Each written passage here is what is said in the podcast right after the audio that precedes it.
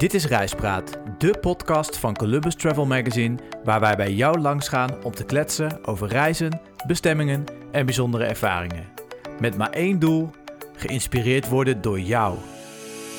In deze aflevering gaat Columbus-redacteur Tom Ausems langs bij culinair journalist en kookboekenauteur Laura de Graven om te praten over haar nieuwe kookboek over Oostenrijk.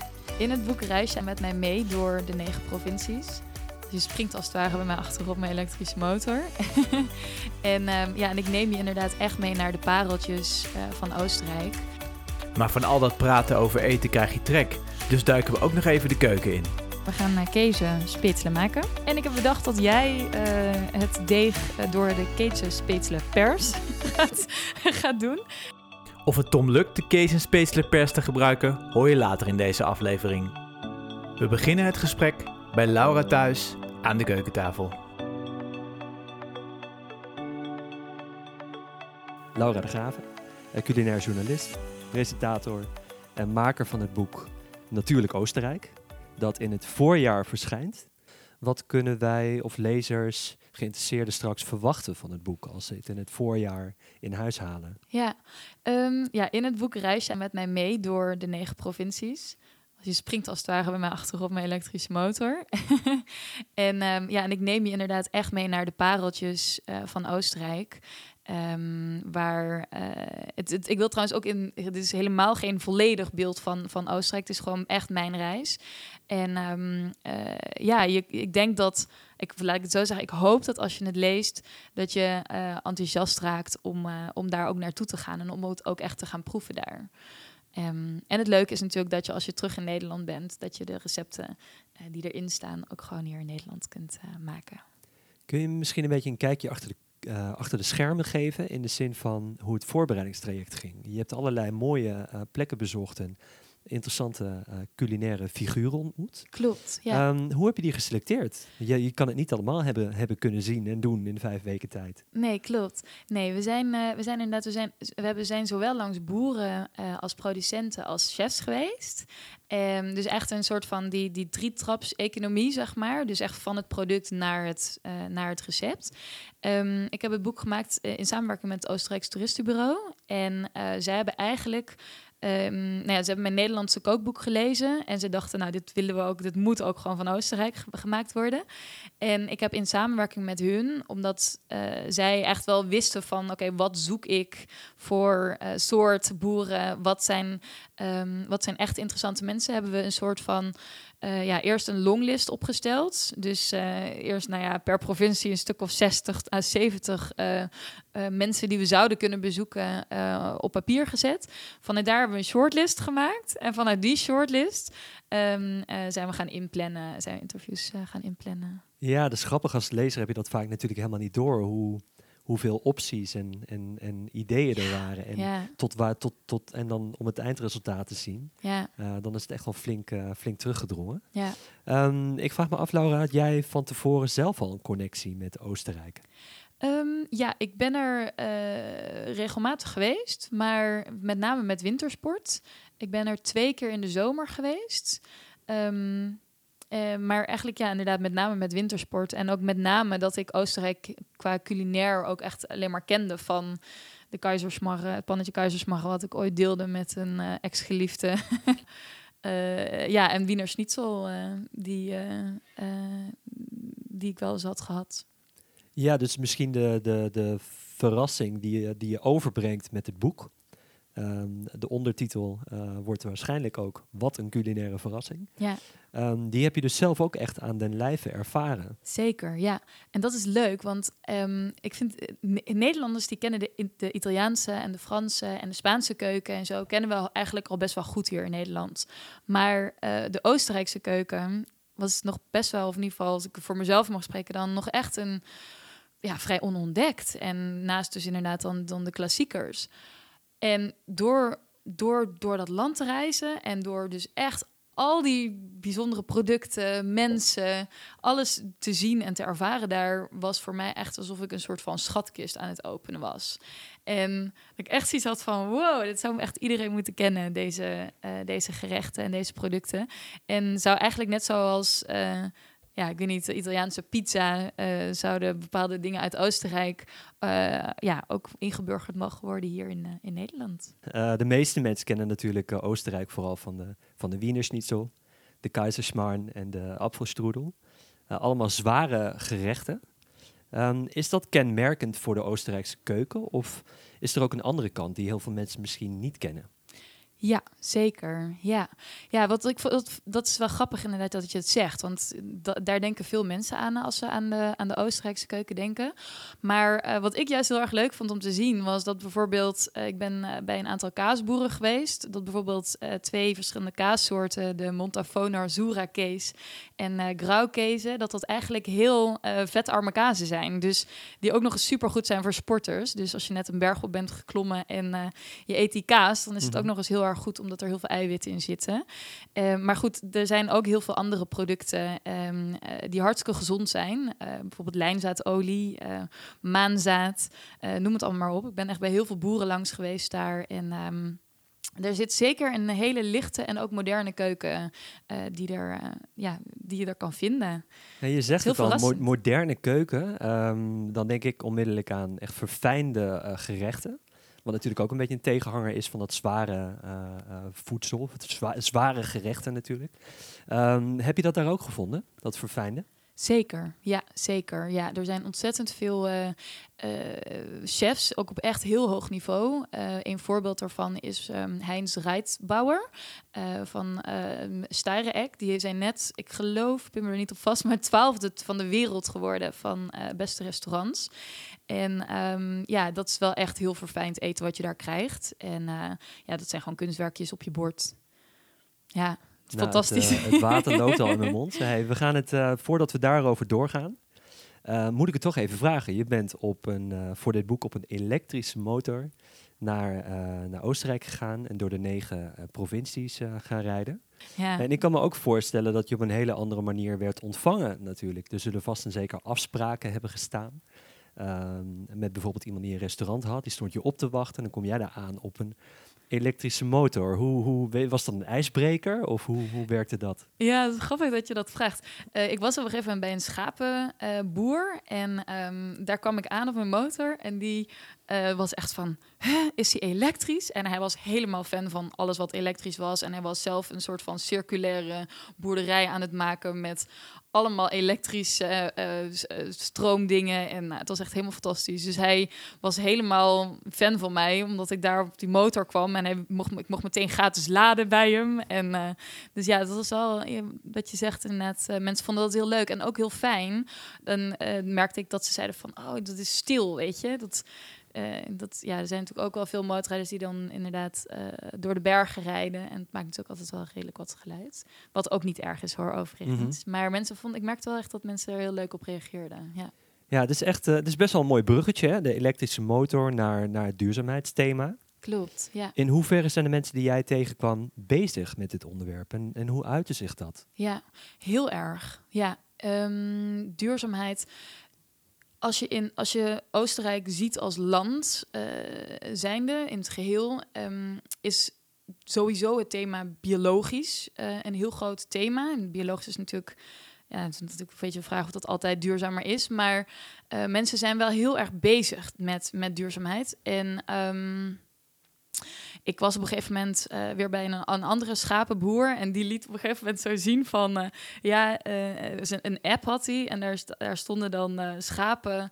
daar kon hij zijn schapen volgen die in de bergen aan het lopen waren... met een GPS-systeem. Ja, Dus ehm, ja, ze zijn wel heel erg bezig met ja, kijken van, van hoe ja, modernere manieren, modernere technieken, circulair, heel veel.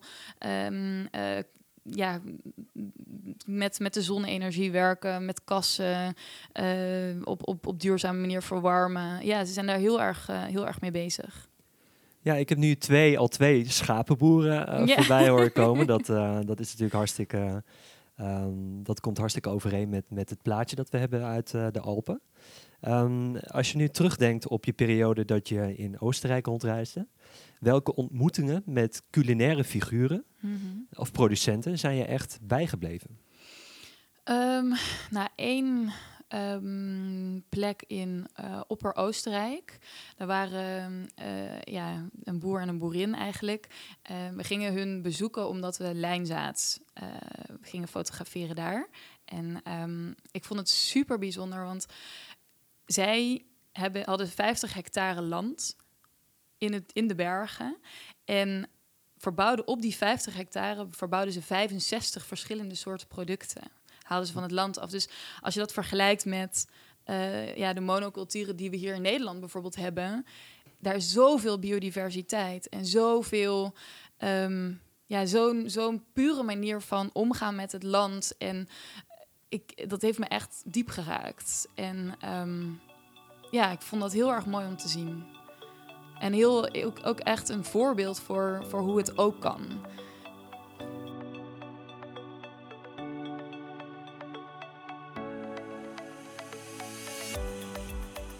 Ben je erachter gekomen? Dat is natuurlijk best een moeilijke vraag. Die je misschien niet hebt kunnen beantwoorden in die vijf weken dat jij er was. Maar wat, die, wat de aanleiding was voor die hele duurzame wave die nu een beetje door de Alpen uh, snijdt zij sowieso als land zijn, zijn zij veel meer dichter bij de natuur staan zij dan wij hier in Nederland. En um, als je het vergelijkt met, kijk hier in Nederland hebben we 3,7% eh, biologische landbouw. In Oostenrijk hebben ze iets van 25, ruim 25% biologische landbouw. Dus zij staan ook al veel dichter bij de natuur in Oostenrijk. Um, dus ja, en dat, dat komt natuurlijk ook wel door, de, door het land zelf, door de bergen. Uh, daar, daar is natuurlijk ook niet zijn natuurlijk geen monoculturen nodig. Daar moet je het land het helft van het jaar, omdat er sneeuw ligt, kan je het niet bewerken. Dus ze zijn daar op die manier al uh, ook nood, noodgedwongen natuurlijk ja, meer duurzamer bezig met de natuur.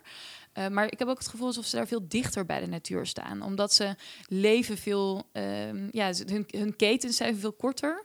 Uh, dus in Oostenrijk is het, ja, lokale producten, daar zijn ze zo trots op. En zo, weet je, dat, dat kopen ze eerst. En dan pas kijken ze naar wat er in de rest van de wereld is. En niet eerst kijken naar wat er allemaal in de rest van de wereld is. En dat dan naar Oostenrijk halen en vervolgens hun eigen producten ook weer naar de rest van de wereld toesturen. Nee, ze zijn er echt heel uh, dicht bij, de producten, bij, de, bij hun producten, bij het land.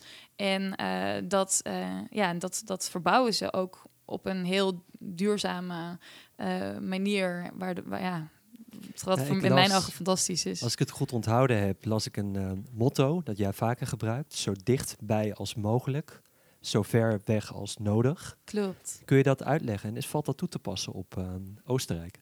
Zeker, ja.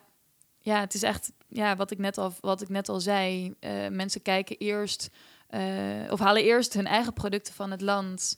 En daar gaan ze mee werken. Um, dus, en het is ook heel leuk, want iedere regio in Oostenrijk heeft hun echt eigen producten. Ook omdat het land zo, weet je, je denkt vaak bij Oostenrijk van, oh, dat zijn alleen maar bergen. Of, uh, weet je, dat ken ik van wintersport. Maar Oostenrijk is zo'n divers land en heeft iedere regio heeft weer typische eigen producten. Dus bijvoorbeeld als je door Steiermark rijdt, daar uh, heb je als je daar in de zomer door, door, door dat land rijdt, dan heb je echt een soort van velden waar echt allemaal oranje voetballen op liggen ongeveer. Nou, dat zijn allemaal dan pompoenen. Um, waar ze dan pom, uh, van maken, pompoenpitolie. En die pompoenpitolie die verwerken ze dan weer tot, nou ja, echt of pompoenpitten, die verwerken ze dan weer tot pompoenpitolie, wat echt groen goud is. zo lekker. En dat doen ze dan weer over vanille-ijs, maar ook over um, uh, scrambled eggs, uh, keverbonen, wat dan weer een lokale variëteit aan bonen is. Maken ze weer salades mee en dat drinken ze weer, weer lokale wijn bij. Dus ja, de manier waarop ze daar met lokale producten bezig zijn, is, is, is ze zijn er ook echt heel trots op ik, ik was ook echt bij een paar producenten en ik zat op een gegeven moment echt van, zo, je bent echt uh, de keizer van de keverbonen en uh, oh, je bent echt de koningin van uh, de um, van de van de van de pompoenpitolie. Het is echt, ja, mensen zijn daar heel trots op. Ja, het is voor mijn idee worden de provincies inderdaad wel eens over één kam geschoren. Hè? Ik bedoel, allemaal onherbergzaam, allemaal uh, min of meer hetzelfde klimaat. Ook al, uh, ook al is dat niet helemaal waar, maar dat zou de perceptie kunnen zijn. Um, maar je hebt het dus wel degelijk in elke provincie um, eigen gerechten en eigen identiteit tegengekomen. Zeker, ja. Heb je nog meer voorbeelden van, van gerechten of producten die in één provincie heel groot waren. Ja, zeker. Um, een voorbeeld daarvan is. Even denken, wat zal ik kiezen? Hm. Um, Ehm, ja, ik vond het heel leuk in Opper-Oostenrijk. Daar heb je maanzaad, wat echt, uh, nou ja, helemaal een ding is daar. Je hebt daar zelfs een, een dorp en dat is echt een maanzaaddorp. um, daar kom je binnen en nou ja, in sowieso natuurlijk in het seizoen uh, heb je natuurlijk alle papavers, dus alle klaprozen, die, uh, nou ja, dat wat, wat bij ons eigenlijk tulpenvelden zijn, zeg maar, dat hebben ze daar, hebben ze klaprozenvelden. Um, en zodra die zijn uitgebloeid, komt daar maanzaad uit. En daar maken ze echt de meest fantastische gerechten mee. Ik heb echt moonzelten gehad. En dat is een, soort van aardappelkoek waar ze dan dus maanzaad in doen. En dat is zo fantastisch lekker. Echt, als je dat, ik heb toevallig hier deze week thuis gemaakt. Uh, moet je eerst het maanzaad moet je malen met een molentje. En dan, nou ja, dan, dan, dan stop je dat in die koeken. Maar dat is fantastisch. Maar ze maken er ook mo moonnoedel mee. Uh, dus een soort van, uh, van pasta met, met maanzaad. En het is heel leuk, omdat je op die manier dus ook echt de provincie proeft. Zeg maar. Je proeft de regio als je die uh, producten eet. En um, die, het, die vrouw bijvoorbeeld die die, die, die, die uh, moonnoedels maakte, die um, had echt 2000 van die, van die molentjes verzameld waar ze dat maanzaad mee aan het malen was. Dus ze is er zo trots op dat ze dat dan dat ze dat heeft. En het, is, het, het beheerst zo het landschap en die regio daar. Um, dat als je dat eet, je ook echt het gevoel hebt alsof je de regio aan het eten bent, letterlijk. Ja, het, ten eerste, het is heel grappig om natuurlijk te horen dat er echt een maanzaaddorp is. Dat, dat, dat is dus hoe ver die, die, die culinaire trots gaat. Um, ik vraag me af, hoe kun je nu als buitenstaander, als, als reiziger, hoe kun je dat, dat meemaken, voelen, proeven? Um, nou ja, mijn boek komt volgend jaar uh, april uit. Uh, dus ik zou zeggen, uh, volg mijn reis. Ja, en, en valt het ook na te bootsen? Dus de vijf weken die jij in Oostenrijk hebt uh, gespendeerd, ja. Uh, de ontmoetingen die jij hebt gehad en de gerechten die je hebt, ge uh, hebt geprobeerd, kunnen die ook nagebootst worden? Je bedoelt hier, hier terug in Nederland? Of nee, dus echt ter, als je ter plaatse. Gaat? Ja. ja, zeker. Ja, het zijn echt allemaal locaties. Het zijn ook de recepten van de, van de chefs, zeg maar, die ik daar heb gemaakt eigenlijk vrijwel alle locaties zijn te bezoeken. Dus um, ik, ik ga ook alle locaties in het boek noemen. Dus uh, de, nou ja, die kan ze zo googlen en, uh, en het, adres staat er zelfs bij. Uh, dus ja, je kan daar zeker langs gaan en, eh, en dat ervaren daar. Of gewoon uitkiezen wat jij zelf interessant vindt en dan daar naartoe gaan. En als je nu één authentieke plek moet aanbevelen. Het kan bijvoorbeeld een berghut zijn of een dorpscafé waar je lekker kan eten. Um, welke zou dat dan zijn? Ik vond uh, de Wedelhütte echt fantastisch. Dat is um, in Tirol. En uh, ja, een soort moderne berghut. Echt heel modern. En uh, sowieso de weg naar boven was al leuker dan een gemiddeld ritje achtbaan. Het was echt zo'n fantastisch uitzicht en zo mooi. En nou, we zijn daar keizersmarren gaan maken met, met, met de chef. En nou ja, het was gewoon zo lekker. En we zijn daarna nog een wandeling gaan maken, ook naar de top van de berg daar. En het was heel leuk, want um, op de terugweg kwamen er op een gegeven moment allemaal geiten langs ons lopen. En het was zo magisch en zo mooi daar. Dat heeft me wel echt, uh, ja, dat was wel echt een van de mooiste plekken waar ik ook echt wel mensen naartoe zou aanraden om een keer naartoe te gaan. Ja, het is kan het ik niet zie je nog steeds nagenieten. um, maar is dat dan ook wat Oostenrijk zo uniek maakt? Dat je echt een totaalbeleving hebt. Dus je kunt, je kunt geïnteresseerd zijn in natuur of cultuur of culinair of alles, al het, al het uh, voorafgaande. Maar dat dat eigenlijk altijd wel op een of andere manier samenkomt. En dat je dus als toerist, reiziger, geïnteresseerde een totaalbeleving ervaart. Kan ik dat zo zeggen? Zeker, ja. ja. Um, en we hebben het natuurlijk net gerecht, uh, gehad over een, uh, een uh, bijzondere plek. Um, maar ik ben ook al nieuwsgierig of er een gerecht is of een recept waarvan jij ter plaatse al dacht van ik kan niet wachten om dit thuis te gaan proberen. Of ik kan niet wachten om het in mijn boek aan de man te gaan brengen. Hmm, ja, zeker. Um, ja, echt heel veel. Ik, ik wil wel heel eerlijk zeggen dat ik... Ik had eigenlijk nooit een goede Wiener Schnitzel gehad voordat ik naar Oostenrijk toe ging. Ik had er ooit een keer een gehad, maar dat was met varkensvlees. En een echte Wiener Schnitzel is met kalfsvlees. En ehm, toen ik die proefde bij Fiegel Müller, dat is zeg maar het eh, restaurant in Wenen waar je naartoe moet voor eh, de Wiener Schnitzel. Dat was zo insane lekker. Het was echt alsof een.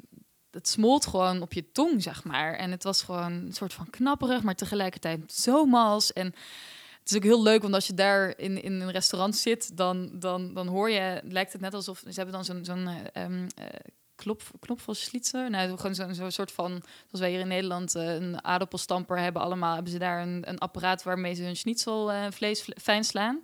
Het klinkt echt een beetje alsof je billenkoek aan het uh, geven bent aan iemand. uh, maar ja, dat was echt, uh, dat was zo lekker toen ik dat had gemaakt. Dat ik echt, ik, dat, daar kijk ik heel erg naar uit om dat nu te gaan maken hier terug in Nederland. Ja, dat is dan echt een classic, ja, maar dan op, ja. op, de, op de authentieke manier. Ja, ja. Um, Wiener Schnitzel, vlees. Um, er zijn natuurlijk steeds meer mensen in uh, Nederland en wellicht ook in Oostenrijk die um, minderen, willen, graag willen minderen, minder vlees willen eten. Ja. heb je daar iets van meegekregen? Absoluut, ja, zeker. Um, een ander restaurant in Wenen, Labstellen, daar zijn we vegetarische roostbraten gaan maken. En uh, roostbraten is van, oor, van oorsprong in Wenen of in, uh, in Oostenrijk natuurlijk ook een klassieker. Uh, ge, ja, geroosterd, roasted meat, zeg maar, geroosterd vlees. En ze maakten daar, heb ik een versie gemaakt met knolselderij. En dus eigenlijk een soort van hele moderne en ook heel mooi opgemaakte ja, vegetarische versie van, van een Oostenrijkse klassieker die vroeger ja, met name met vlees gemaakt werd. En wat eigenlijk een heel, hele nieuwe dimensie geeft aan zo'n klassiek gerecht. Um, dus ja, nee, ik ben het zeker tegengekomen. Um, uh, maar het is ook wel grappig om te zien, want er zijn ook bijvoorbeeld klassiekers uit, uh, um, uh, uit bijvoorbeeld Carinthië heb je van oorsprong al, omdat het katholiek, katholieke provincie, of katholiek land natuurlijk is, heb je Kerner kaasnoedel. Dat zijn eigenlijk, ja, uh, een soort van zachte deegkussentjes, uh, een soort van deegflapjes waar um, uh, een mengseltje in zit van, um, van aardappel met breuzeltopfen. Dat zijn, is een soort van ja, cheesy of creamy um, ja, cottage cheese. Mhm. Kan, ik, kan je het mee vergelijken? Dat is iets anders. Maar, um, en, en dat aten ze vroeger al, van oudsher, altijd op vrijdag, omdat dat hun vleesvrije dag was. Dus er zitten zeker wel in, uh, ook in, in Oostenrijk, um, uh, ja, vlees, veel vleesvrije gerechten. En die staan ook zeker in het boek. Um, ja, je had het over keesspetselen die we gaan uh, proberen te maken. Uh, volgens mij wil je mij achter de pasta, uh, de, de, de, apparaat zetten. Um, ik ben nieuwsgierig geworden. Misschien moeten wij aan de slag en dan kunnen we zo meteen hopelijk proeven. Ja, nou, ik zeg laten we de keuken induiken.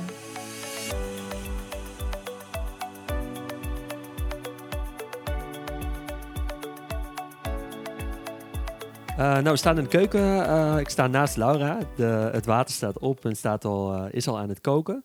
ik ga je zo helpen met de deeg, met het deeg dat je hebt gemaakt. Wat, wat zit daarin? Hoe heb je het gemaakt? Um, ja, het is eigenlijk een heel simpel deeg van bloem, water, eieren en zout. En we gaan kezen spitselen maken. En het heet ook, wordt ook wel kezen knopvelen genoemd. Zo, sommige mensen kennen het uh, op die manier. En ik heb bedacht dat jij uh, het deeg uh, door de kezen spetselen pers gaat, gaat doen. En dat is eigenlijk een soort van, ja, hoe leg je dat apparaat uit?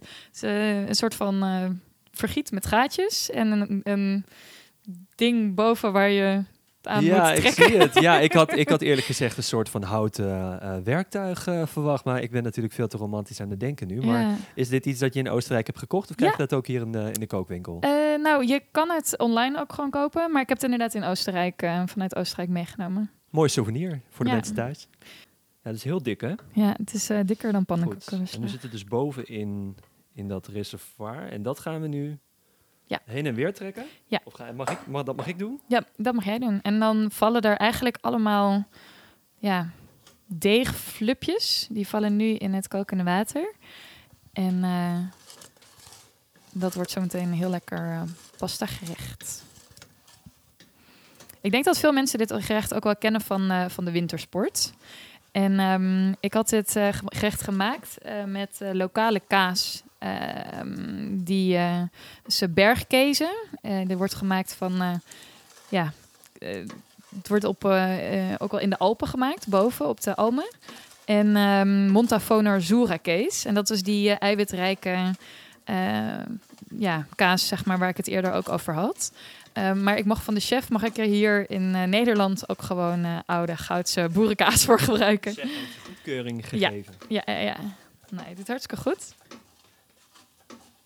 Hey, en dit wordt eh, door de Oostenrijkers in de middag gegeten, in de avond gegeten. Nou, dat is wel leuk dat je dat zegt. Want in Oostenrijk eten ze eigenlijk voornamelijk eh, tijdens de lunch warm. En eh, dus dit soort, ja, toch wel soms ook wel zwaardere, zwaar, iets zwaardere gerechten. En ehm, eh, dus ja, je kan het 's ochtends eten, maar het staat in principe s'avonds ook op de kaart. Dus als je denkt van, joh, s'avonds ook nog een keer kees spetselen, dan eh, kan dat ook. En het wordt dus meestal eh, gegeten met kaas. Zeg je, dat gaan wij Ja. zo toevoegen. Ja, dat gaan wij zo Eh, zijn er toevoegen. nog andere bereidingen, nog andere toevoegingen? Ehm, nee, want het, ja, nee, niet dat ik het heb gezien in ieder geval. Dus ehm, ik ga jou deze geven, want we Ja. moeten de pasta nu uit de pan halen. Zo snel al. Ja. Het heeft echt een minuutje Ja, of zo. Een minuutje, want ik ga nu. Kijk hoor. Waarin?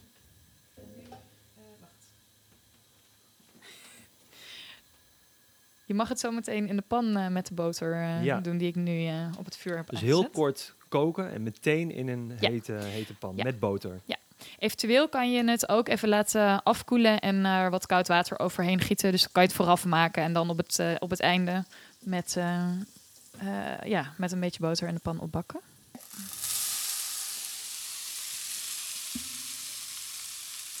En dan kan je nog een beetje zout en wat peper.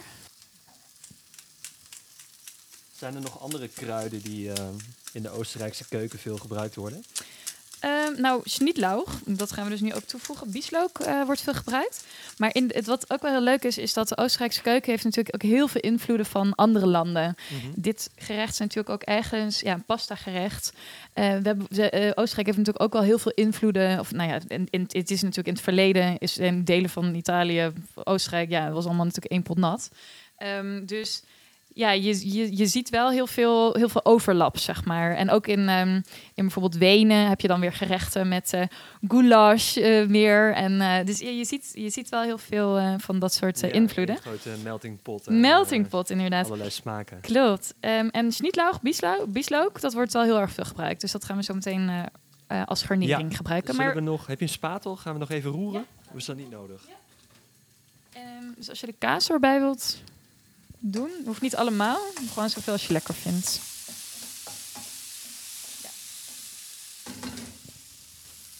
We hebben dus goedkeuring om geen eh, Oostenrijkse kaas te gebruiken Ja. van de chef. Nee, maar als je die wilt proeven, dan moet je dus echt naar Oostenrijk toe gaan.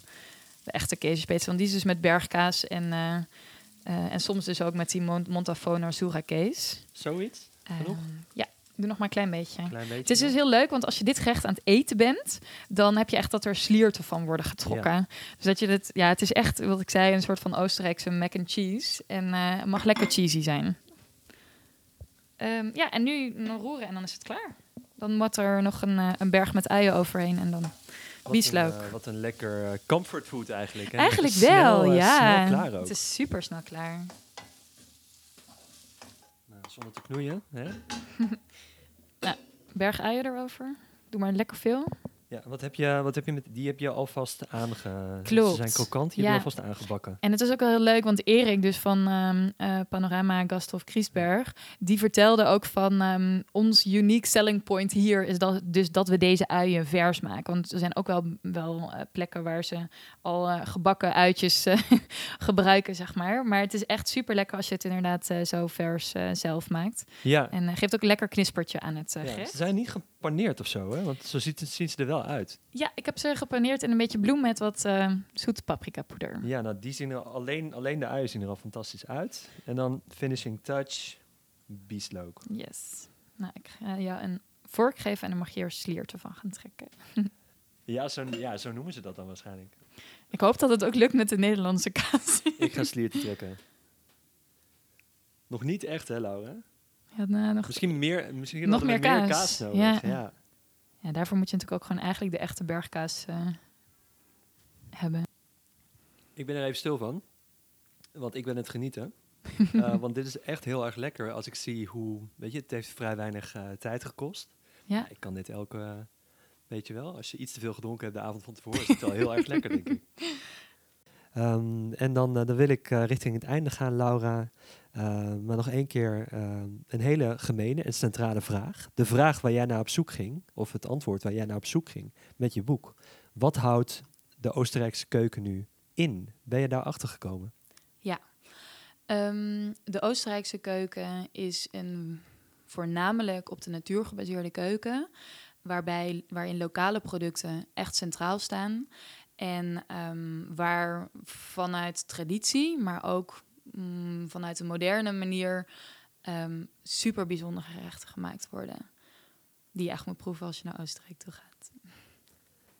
Nou, Laura, ik vond het super bijzonder om eh, hier in het centrum van Amsterdam bij jou mee te kijken in de keuken. Eh, zelfs te koken. Dit is een gerecht dat eh, zelfs ik kan, kan maken. Ehm, ik wil je bedanken voor het delen van je verhaal.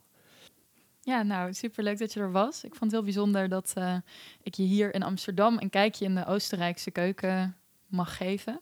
Of heb mogen geven. Ehm, dus eh, ja, ik ben benieuwd. Ik hoop dat je zometeen als je mijn boek leest... eh, ja, nog meer inspiratie krijgt om Oostenrijkse gerechten te gaan maken. Ja, nog heel even over het boek, Laura. Je bent er nu volop aan bezig. Wanneer kunnen we het verwachten en waar kunnen we het kopen? Het verschijnt april 2022 en het is straks gewoon bij de alle boekhandels eh, en online eh, te koop. Nou, wil je nu nog meer eh, culinaire inspiratie opdoen? Ga dan naar austria.info slash culinair. En daar kun je allerlei leuke reistips, maar ook recepten en mooie achtergrondverhalen van lokale smaakmakers vinden.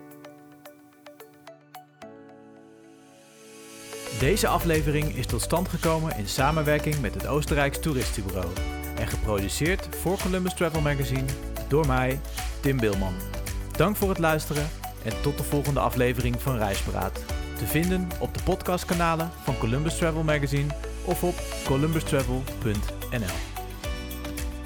De muziek gebruikt in deze podcast is van Scott Holmes.